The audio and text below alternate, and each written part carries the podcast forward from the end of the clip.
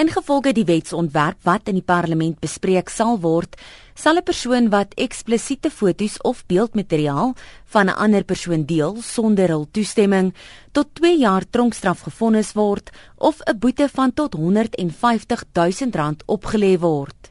Ben Winks van die regsmaatskappy Webber Wentzel spesialiseer in mediareg. It will become a criminal offence for anybody to share or to distribute in any way a, a video or a photograph that uh, depicts any kind of conduct of a sexual nature, a private sexual nature, without the consent of the person or one of the persons depicted in the photograph or the video.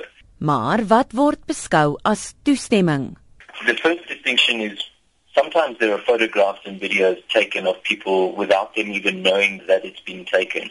So there, of course, there would be no consent at all. But then the, the difficult cases are where someone has shared the video or the photograph willingly with their sexual partner, and uh, then that person distributes it to third parties.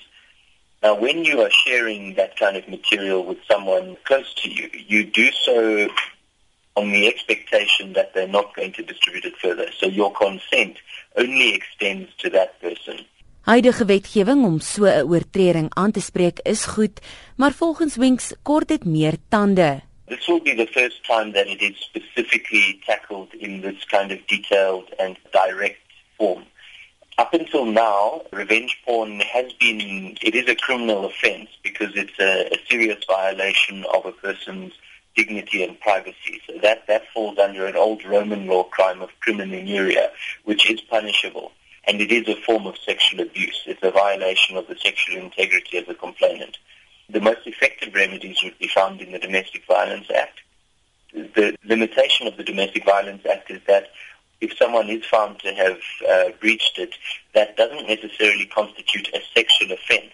And it would be better for revenge porn to be located then specifically in the Sexual Offences Act because then an offender could be put on the sex offenders register and there are a range of other remedies that are specifically tailored for the victims of sexual offences.